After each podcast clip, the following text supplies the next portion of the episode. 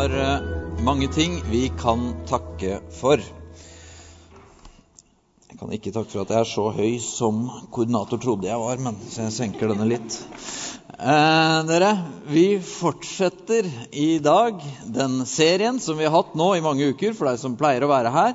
Eh, frem mot påske, hvor vi altså kapittel for kapittel leser de ordene og de fortellingene som mer enn noe annet har formet vår kultur og sivilisasjon. Men ikke bare det, for de fleste av oss også våre liv. Vi leser historiene til legen i det første århundret, som så iherdig samlet, sorterte og skrev ned historiene om Jesus Kristus. Og boken han skrev, ble så verdifull for den første kirken at de kopierte den og kopierte den helt til den endte opp i den samlingen vi i dag kjenner som Det nye testamentet. Og I denne serien så startet vi der Lukas' fortelling virkelig begynner å dra seg til. Analyserer man eh, boken Lukas, så vil man se at fra dette punktet så samler han masse Jesus-stoff som eh, er mange av de største fortellingene til Jesus. Det er mange fester Jesus deltar på, og det ender altså med den store finalen. Det vendepunktet kommer i Lukas 9, vers 51. Da tiden kom og Jesus skulle tas opp til himmelen, vendte han ansiktet mot Jerusalem. Det var dit han ville dra. For Jesu oppdrag, det nådde sitt forferdelige, men også uendelig håpefulle klimaks i Jerusalem i påsken. Vi har sagt at når vi leser sammen, så eh, leser vi Bibelen er, og Det nye testamentet er en gammel bok. Vi trenger å lese sånn at vi forstår den. Og da lagde vi en slags metode til denne serien. Den, vi får ikke noen nobelpris for den, den går ikke over i historien, liksom. Vi kalte den 4O.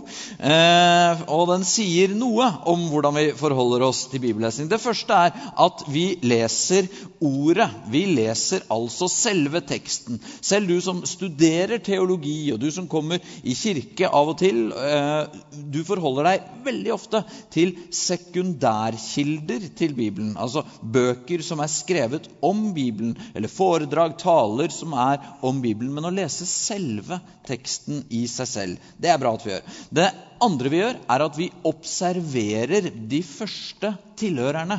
Fordi all tekst må tolkes. Og som opplyste lesere så må vi prøve å se teksten i den konteksten hvor den ble skrevet, hvor den ble til. Hva hørte de første tilhørerne? De som var der og så, og de som skrev dette ned. Hva foregikk egentlig? Deretter snur vi oss mot oss i dag og sier hva betyr dette vi leser, i vår kontekst, i vår setting? Kan, hvordan oversetter vi dette til våre liv? Og så snur vi oss opp til Gud og ber om at det vi har lest, må få lære oss noe. Så før vi går inn i dagens tekst, la oss gjøre akkurat det. La oss bli stille inni oss og be en bønn. Kjære Gud, takk for at du er her nå.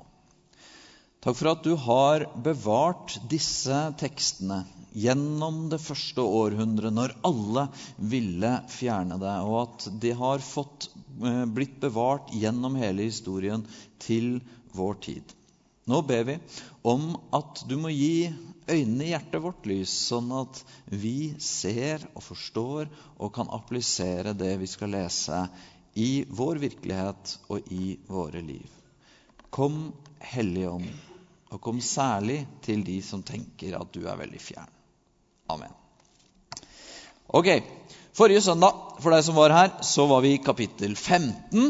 Eh, og det er altså historiens mest elskede kapittel i Bibelen. Det er der Jesus virkelig deler Guds hjerte, ikke bare for verden der ute eller menneskeheten, men, og ikke engang heller bare for de snille og fromme og flinke, men for alle, og aller mest de av oss som lar oss rive med og lar begjæret få det beste av oss.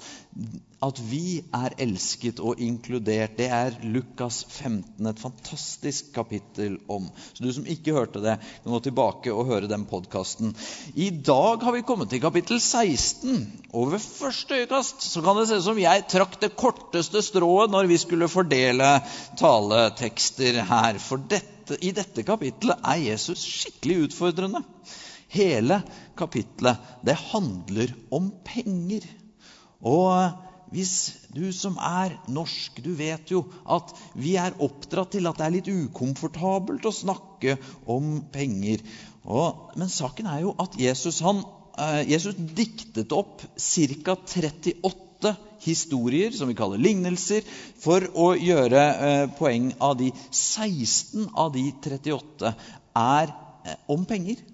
Hvorfor snakker han så mye om det? Kanskje vil det bli klart for oss i løpet av de neste minuttene. Men vi skal se på en historie som er eh, ganske ukjent. Forrige lørdag før jeg skulle tale om dette første gang, så gikk jeg tur med Veronica kona mi og fortalte hva jeg skulle tale om. og hun sa, Den historien hadde jeg aldri hørt før. Og Det fortalte jeg forrige helg på gudstjenestene på Grünerløkka. Og da var det ganske mange som kom til meg etterpå og sa den historien hadde vi aldri hørt før. Så nå får du høre den. Eh, det er den geniale historiefortelleren Jesus som forteller, og han begynner sånn her. Det var en rik mann som hadde en forvalter. Av andre fikk han vite at denne forvalteren sløste bort formuen hans. Med en gang skjønte de som var der, et par ting. De skjønte denne historien er ikke en sann historie. Det er en sånn, det var en gang-start på historien.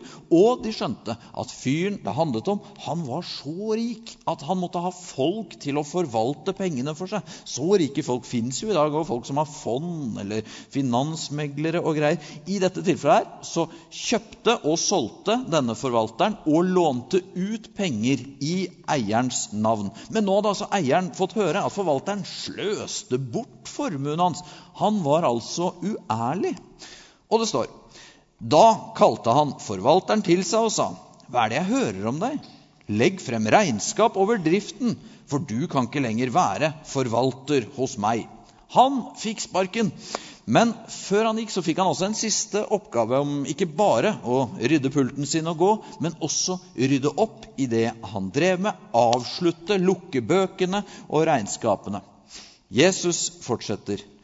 Men forvalteren sa til seg selv, hva skal jeg gjøre når Herren min tar stillingen fra meg? Og grave har jeg ikke krefter til, og tigge skammer jeg meg over.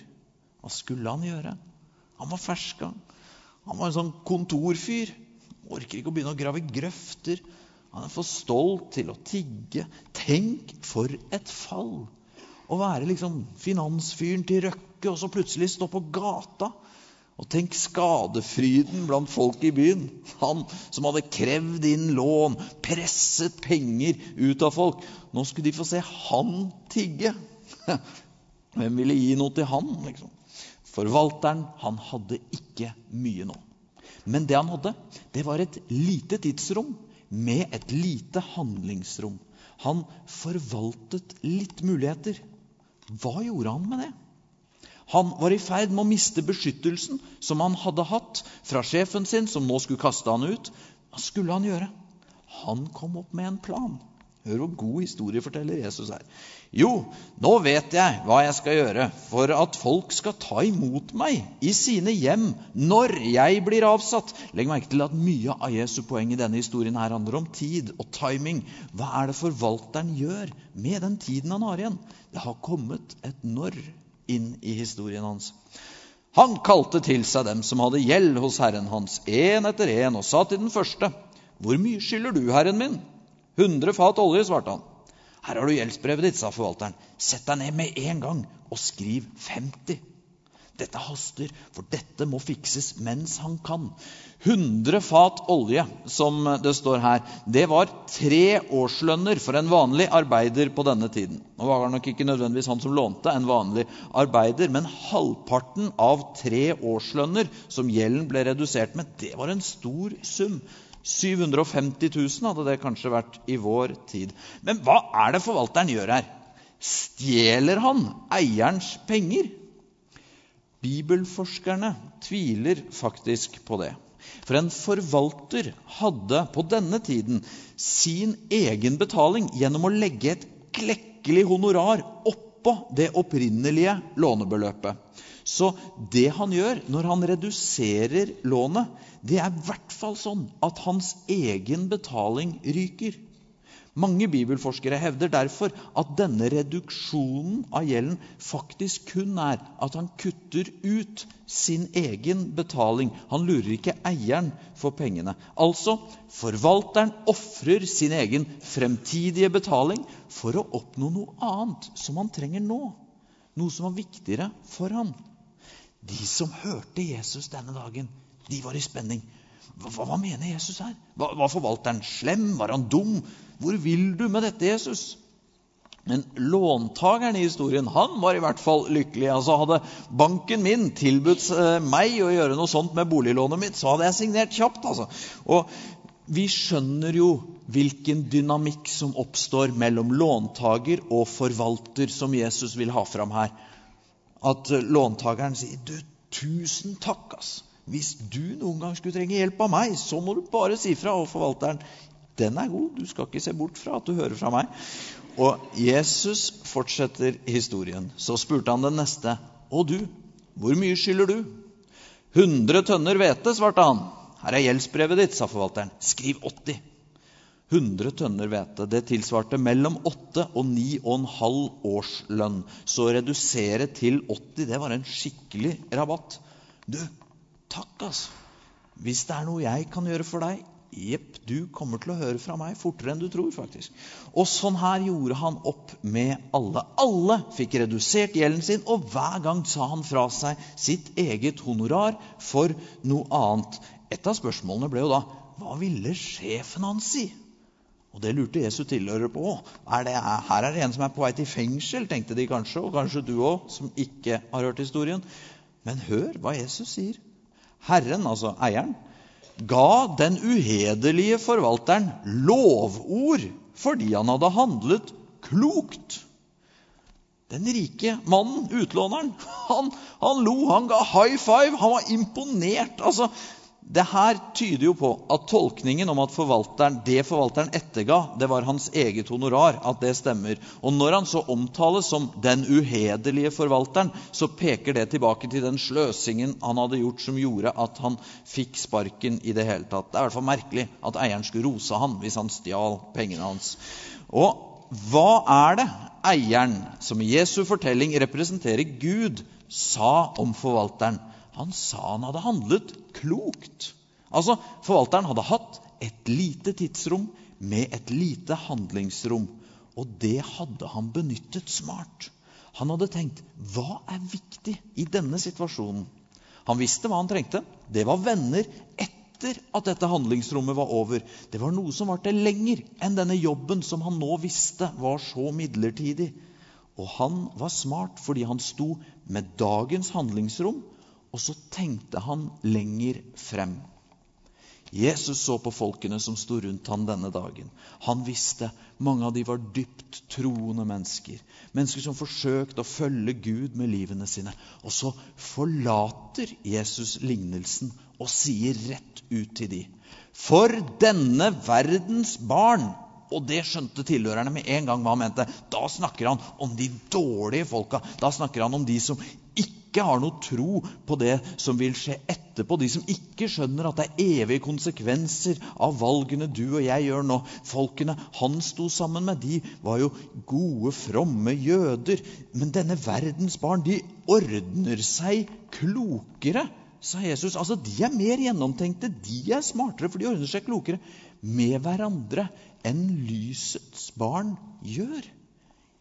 Jesus fornærmer dem rett i fjeset.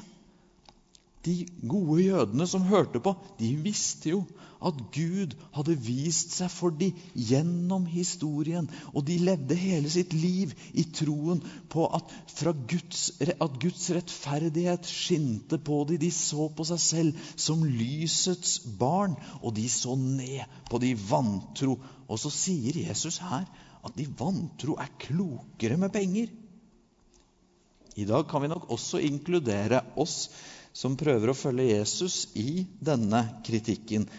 Hva er det for noe provoserende Jesus sier? Ikke bare sier han at du skal være smart med penger.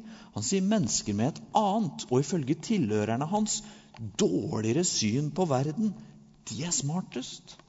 Hvorfor det? Jo, la oss se litt nærmere på Jesu poeng her.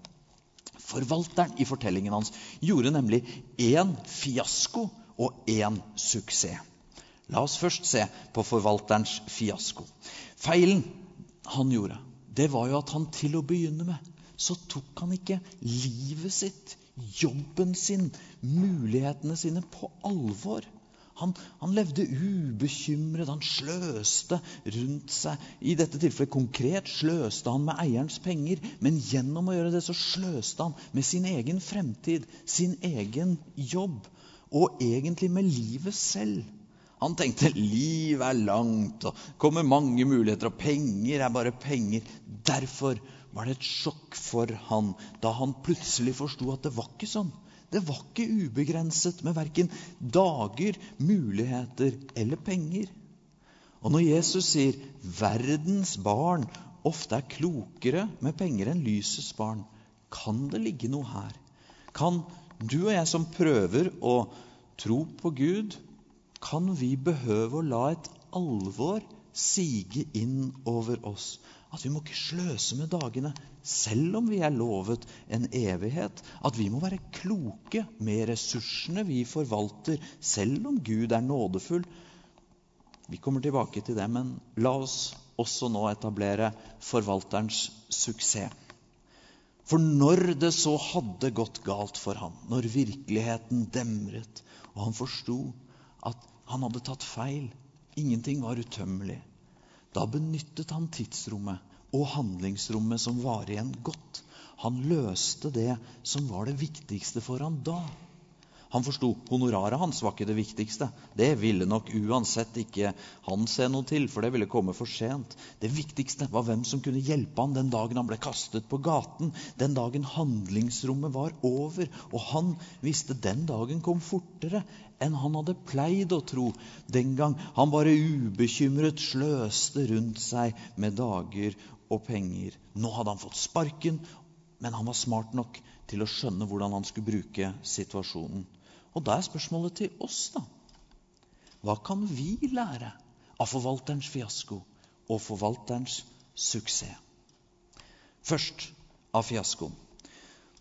Hvordan kan du og jeg se på livet vårt, på ressursene våre, pengene våre, også som noe så verdifullt her og nå at vi behandler det klokt? Hvordan unngå å bli sånn som han forvalteren som tenkte dagene og pengene det er bare noe som kommer og går, ustoppelig og uendelig. Hvordan stoppe opp og se at det du i dag har i dine hender, det er noe du ikke skal være skjødesløs, uansvarlig med. For du kan ende opp med å være uansvarlig med hele livet ditt. Jeg fortalte forrige helg på Løkka, og da kjente jeg at jeg mistet litt frimodighet når jeg skulle fortelle akkurat dette her. Min, I slutten av tenårene mine så var min uh, desiderte favorittbok 'Brødrene Karamazov' av Dostojevskij. Jeg følte jeg ble så nerd når jeg sa det. Så jeg måtte legge til at jeg også var fan av Nirvana. Men eh, uansett, i den boken så beskriver fader Sossima nydelig de siste ukene av livet til storebroren hans Markel, som dør 17 år gammel. Og Han forteller at broren, da han forsto at han skulle dø, fikk en sånn klarhet over alle ting. Han lå i sengen sin på et øde sted i Russland, som Dostojevskij alltid skriver om, og så ut av vinduet, ut på våren i hagen utenfor, og så gråt Markel. Han gråt av glede over hvor vakkert alt var, men også av sorg at han ikke hadde sett det før, før nå som han skulle dø. Ja, sa han, det var et slikt nærvær av Gud overalt rundt meg. Fugler, trær, enger, himmel. Før levde jeg i skam, vanæret alt og merket ikke skjønnhet og herlighet. Altså, det var først da han forsto at han hadde et lite tidsrom igjen, at han for alvor verdsatte det han hadde. Dostojevskij viser at kunnskap om livets begrensning, at vi skal dø, det gir oss en innsikt til å leve. Så ikke vi blir overfladiske folk som bare kaster bort livet i en ubevisst forestilling om at alt bare vil fortsette som før for alltid. Jeg har stått i mange kalde sakristier eller sånne rom bak kirker og kapeller og ventet på at klokkene begynner å ringe og begravelser skal starte. Og der, mens jeg har stått og flikket på minneordene og rettet på slipset, ofte sett på bilder av døde prester som henger på veggen på sånne rom, så har jeg også reflektert over dette med hva er det egentlig som vil stå igjen etter oss.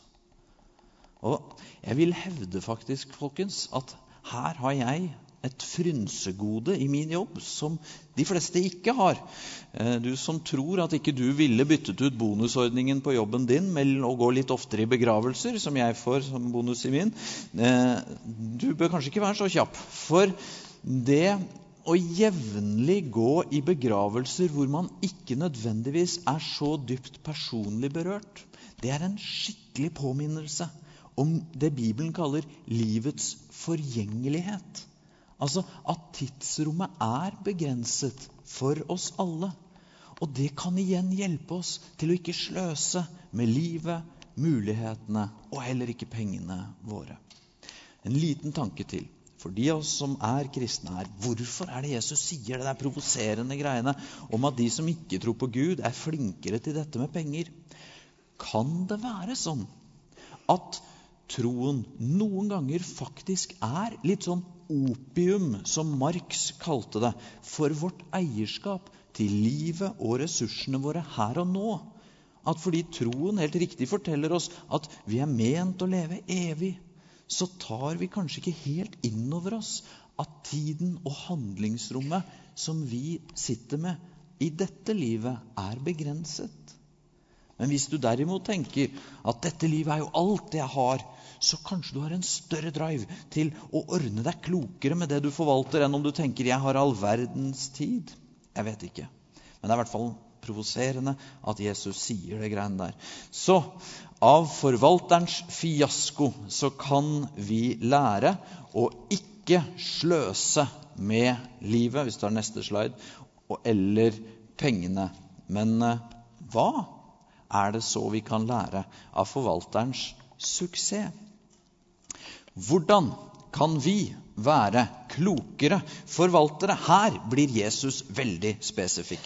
Og du som ikke vet helt om du er kristen, du kan ta det som kommer nå, som en interessant tanke. Men hvis du vil følge Jesus, så er det han sier nå, både frigjørende på den ene siden, utfordrende på den andre, og genialt. Hør hva han sier. Jeg sier dere, Skaff dere venner ved hjelp av den uhederlige mammon, så de kan ta imot dere i de evige boliger når pengene tar slutt. Hva snakker han om her? Evige boliger når pengene tar slutt. Sånn gamlehjem for blakke folk. For å forstå dette så må vi gi litt bakgrunn. Jesus, når han snakker til folk, så forholder han seg til at det er to virkeligheter som eksisterer ved siden av hverandre. To land, to riker, kaller han det, som vi kan velge mellom. Det ene det er det han kaller 'denne verdens rike'. Eller av og til sier han bare 'verden'. I stad hørte vi han sa 'denne verdens barn'. På den andre siden så er det Guds rike. Hver dag, hver time, så kan du og jeg velge mellom disse rikene. Verdens rike, det merker vi som den fortellingen som vi alle har rundt oss hele tiden, som sier Du må alltid tenke på deg selv først. Den som er penest, mest vellykket, rikest, mest populær, den vinner. Og det hjelper ikke hvor mange Hollywood-kjendiser som dør i tragedier, eller bloggere som står frem og angrer på plastiske operasjoner. For denne fortellingen er så sterk og overalt, og vi tror på den alle sammen. I større eller mindre grad. Bare se hva vi skryter av i sosiale medier. Til og med sånn som meg, som ikke er så aktiv der. Jeg kan ta meg inn og gå inn på Facebook bare for å se hvor mange likes jeg har fått på en andaktstekst. Hvor trist er det, liksom? Men også hva du Dag, drømmer om når du er alene. Det er i oss hele tiden. Vi ønsker å vinne, bli likt og lykkes. Og det må skje her og nå, for i denne verdensriket så er det alt vi har. Hør, verdens rike. Det er ikke farlig fordi det er ondt eller noe sånt. Det er ikke sånn at vi skal ut av verdens rike. Jesus ba for oss og sa, 'Jeg ber ikke om at du tar dem ut av verden, men at du skal bevare dem fra det onde. Poenget er at i verdens rike så ser vi med et for begrenset perspektiv på livet. Vi strever for mye her.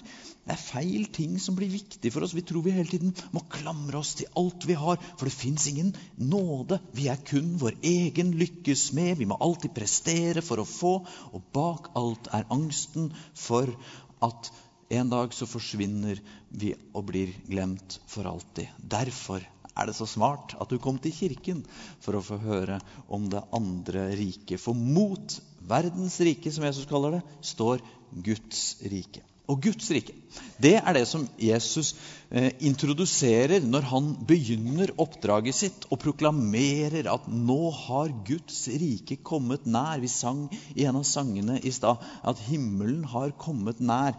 Det er Matteusevangeliet sitt ord for Guds rike. Og Guds rike, det er annerledes, forklarer Jesus, på så mange måter. Han Konsekvent så tar han de, de stusslige små, og så løfter Jesus de fram. Konsekvent gjennom alle historiene så tar Jesus de minstes parti. Han stiller seg på siden av de som er utstøtt, som ingen liker, de syke, upopulære, urene, kvinner fremfor menn med makt osv. De som ikke har noen stemme, de får verdens sterkeste forsvarer. Og dynamikken er altså motsatt av verdens. For i Guds rike så er du elsket uavhengig av prestasjon, og ikke minst til de kalde sakristiene før begravelsene. I Guds rike så er døden også overvunnet. Guds rike, det er bakvendtland i forhold til verdens rike. Forrige mandag så var jeg på evangeliesentermøte på Kontaktkafeen i Osterhaus gate her borte på Grünerløkka. Og der kirkerommet der var fullt, hvor halvparten av de som var der, var fattige, tilreisende tiggere, mest romfolk, mens veldig mange av den andre halvparten de var rusmisbrukere.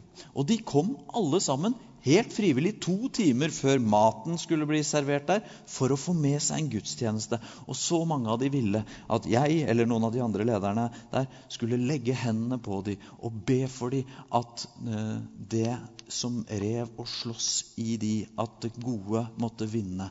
Og så være et sånt sted i et sånt rom og få fortelle om Jesus. Det er helt fantastisk. Etterpå så kom en litt sliten, skjeggete kar bort til meg, satte øynene i meg og sa så at du hilste på medarbeiderne da du kom.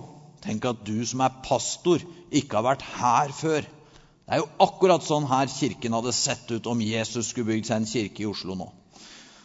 Jeg fant ikke noe smart å svare. Det nikka. Eh, for, og, og, så sa jeg nei takk til maten. Jeg tenkte jeg vil ikke ta maten deres. Men eh, jeg tenkte at han har jo rett. For i Guds rike så er jo alt annerledes. Det som ser stort og flott og imponerende ut i verdens rike, kan være bitte lite i Guds rike. Og det motsatt. Det som er stort i Guds rike, det kan se lite og smått og stusslig ut for oss her og nå. Poenget er som følger. Verdens rike vil en dag ta slutt. En dag vil karrieren, uansett hvor hardt du har jobbet for den, være over. En dag vil utseendet, uansett hvor mye du har trent, hvor mange rare ting du har spist, det vil være borte.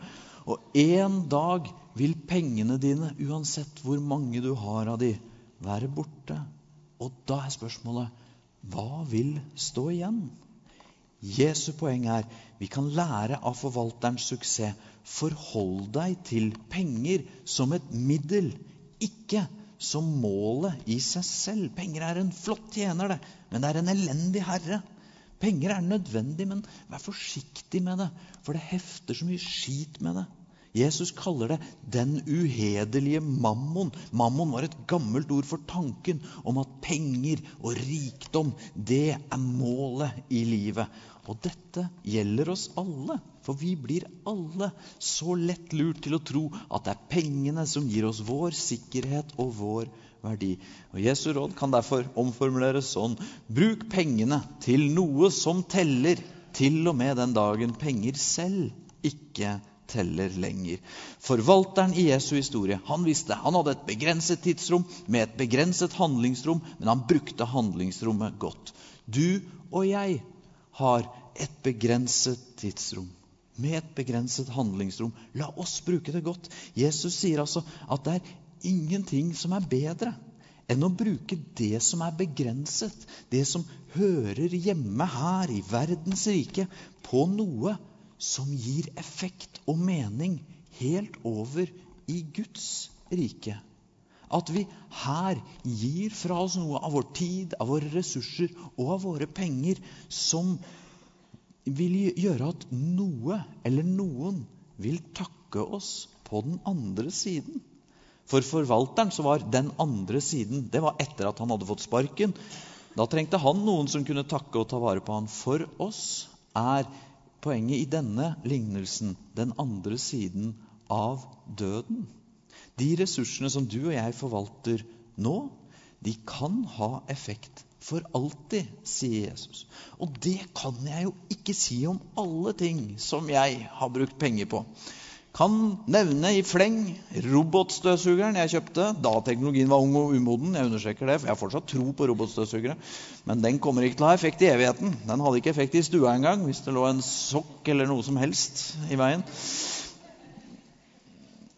Men dere, la oss følge den tanken bitte litt til. Fordi hvis penger er et middel, men ikke målet, hvilke mål har vi da egentlig? Vi har heldigvis i livet flere mål. Noen av dem er bare våre egne ambisjoner for oss selv, og det er kjempefint. Hvis jeg likevel skal få utfordre deg i lys av denne teksten til å tenke Hvis du ser for deg de tingene på 12 eller 24 måneders horisont som du har som mål, som du vil jobbe for, hvilke av de tingene innebærer noe for din neste, for en annen enn deg selv. La målene våre være større enn bare oss selv. Og da vil noe, også av pengene våre, finne veien hele veien til de gir mening for alltid. Ikke hør meg nå snakke som om jeg mener penger er noe galt, eller at det er suspekt å ha mye penger. På Jesu tid så var økonomien sånn at de som hadde mye penger, de hadde sannsynligvis undertrykket eller misbrukt noen for å tjene så mye. Sånn behøver det absolutt ikke være i dag. Penger er et godt og viktig middel, og vi kan lære å bruke penger smart, som Jesus sier, og forvalte de klokt og la de vokse. Men penger eller mammon, som Jesus kalte det, er en dårlig sjef. Og penger det kan tilføre glede, mening, gode opplevelser hvis vi bruker det som et middel, men ikke selve målet. Og så er det sånn, folkens, at når vi lar oss utfordre, f.eks. av tekster som dette her, så er det jo så lett når vi skal evaluere oss selv, å sette en strek og så sette meg på den riktige siden av den streken. Men jeg vet om en del folk. De, de sløser med livet sitt, og de eh, har penger som målet. Altså, de hadde trengt å høre disse ordene av Jesus. Men jeg er jo heldigvis på rett side. Og fordi vi har så lett for å tenke sånn, så skrur Jesus det ytterligere til på slutten av historien her. Hør hva han sier. Den som er tro i smått, er også tro i stort. Og den som er uredelig i smått, er også uredelig i stort. Om dere ikke har vært tro når det gjelder den uhederlige mammon, hvem vil da betro dere de virkelige verdier? Altså, pengene våre de er en slags sånn indikator eller konkretisering av hvem vi egentlig er. Jeg kan synse mye om at jeg er en sånn som er, eh, ikke er noe hovmodig, eller jeg bryr meg masse om andre og sånn. Men med pengene mine så er det bare å følge kontoutskriften for å se hva som er sant. Og Jesus oppmuntrer oss til å være til å stole på der. Sånn. Fordi det er jo bare den uhederlige mammon. Liksom. Det er bare et middel. Nyttig og bra, men ikke selve målet. Ikke de virkelige verdier som Jesus snakker om. Så sier Jesus noe skikkelig rart om pengene våre. Og dersom dere ikke har vist troskap med det som hører andre til, hvem vil da gi dere noe dere selv kan eie? What? Det er mine penger. Det er min bil, mitt hus. Det er mitt navn jeg logger inn med i nettbanken. Det er mitt navn på vognkortet. Det er mitt navn på postkassen. Nei, sier Jesus. Tenk deg om, da. Får du med deg noe av det når du dør? Nei, tingene dine, de vil bli igjen etter deg. De vil være noen andres etter deg. De vil overleve oss. Altså eier du dem ikke. Du er bare en forvalter. Hvis du ikke er kristen, så må du gjerne le litt av det. Men for deg som er kristen, så er dette Jesus både veldig utfordrende, men også frigjørende budskap. Vi er alle forvaltere. Vi er ikke eiere. Og derfor har vi alle bare et begrenset tidsrom med et begrenset handlingsrom der vi forvalter våre muligheter i livet. Og så kan vi velge hvilken fortelling vi vil satse på. Verdensfortelling som sier at den som har mest penger, til slutt vinner. Eller Guds rikes fortelling som sier alle pengene i verden, de hører til i verden, og de kommer til å forbli i verden. Men du er også ment for et annet rike. Du kan bruke noe av din tid og dine ressurser og muligheter og penger på en måte her som gir mening, venner og resultater i det evige Guds rike. Jeg vet det jeg nå har sagt, er utfordrende for oss. Det var det for de første tilhørerne til Jesus òg, kan du trøste deg med. For det står Alt dette hørte fariseerne, altså de religiøse lederne, og pengekjære som de var, hånte de Jesus.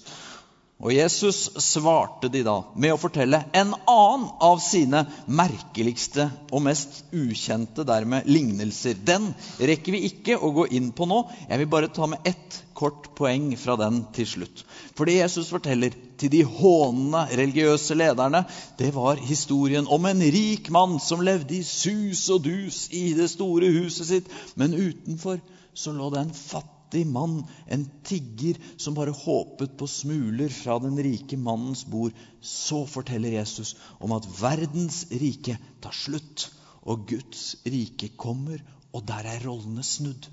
Der er den rike mannen fratatt sine privilegier, mens den fattige trøstes.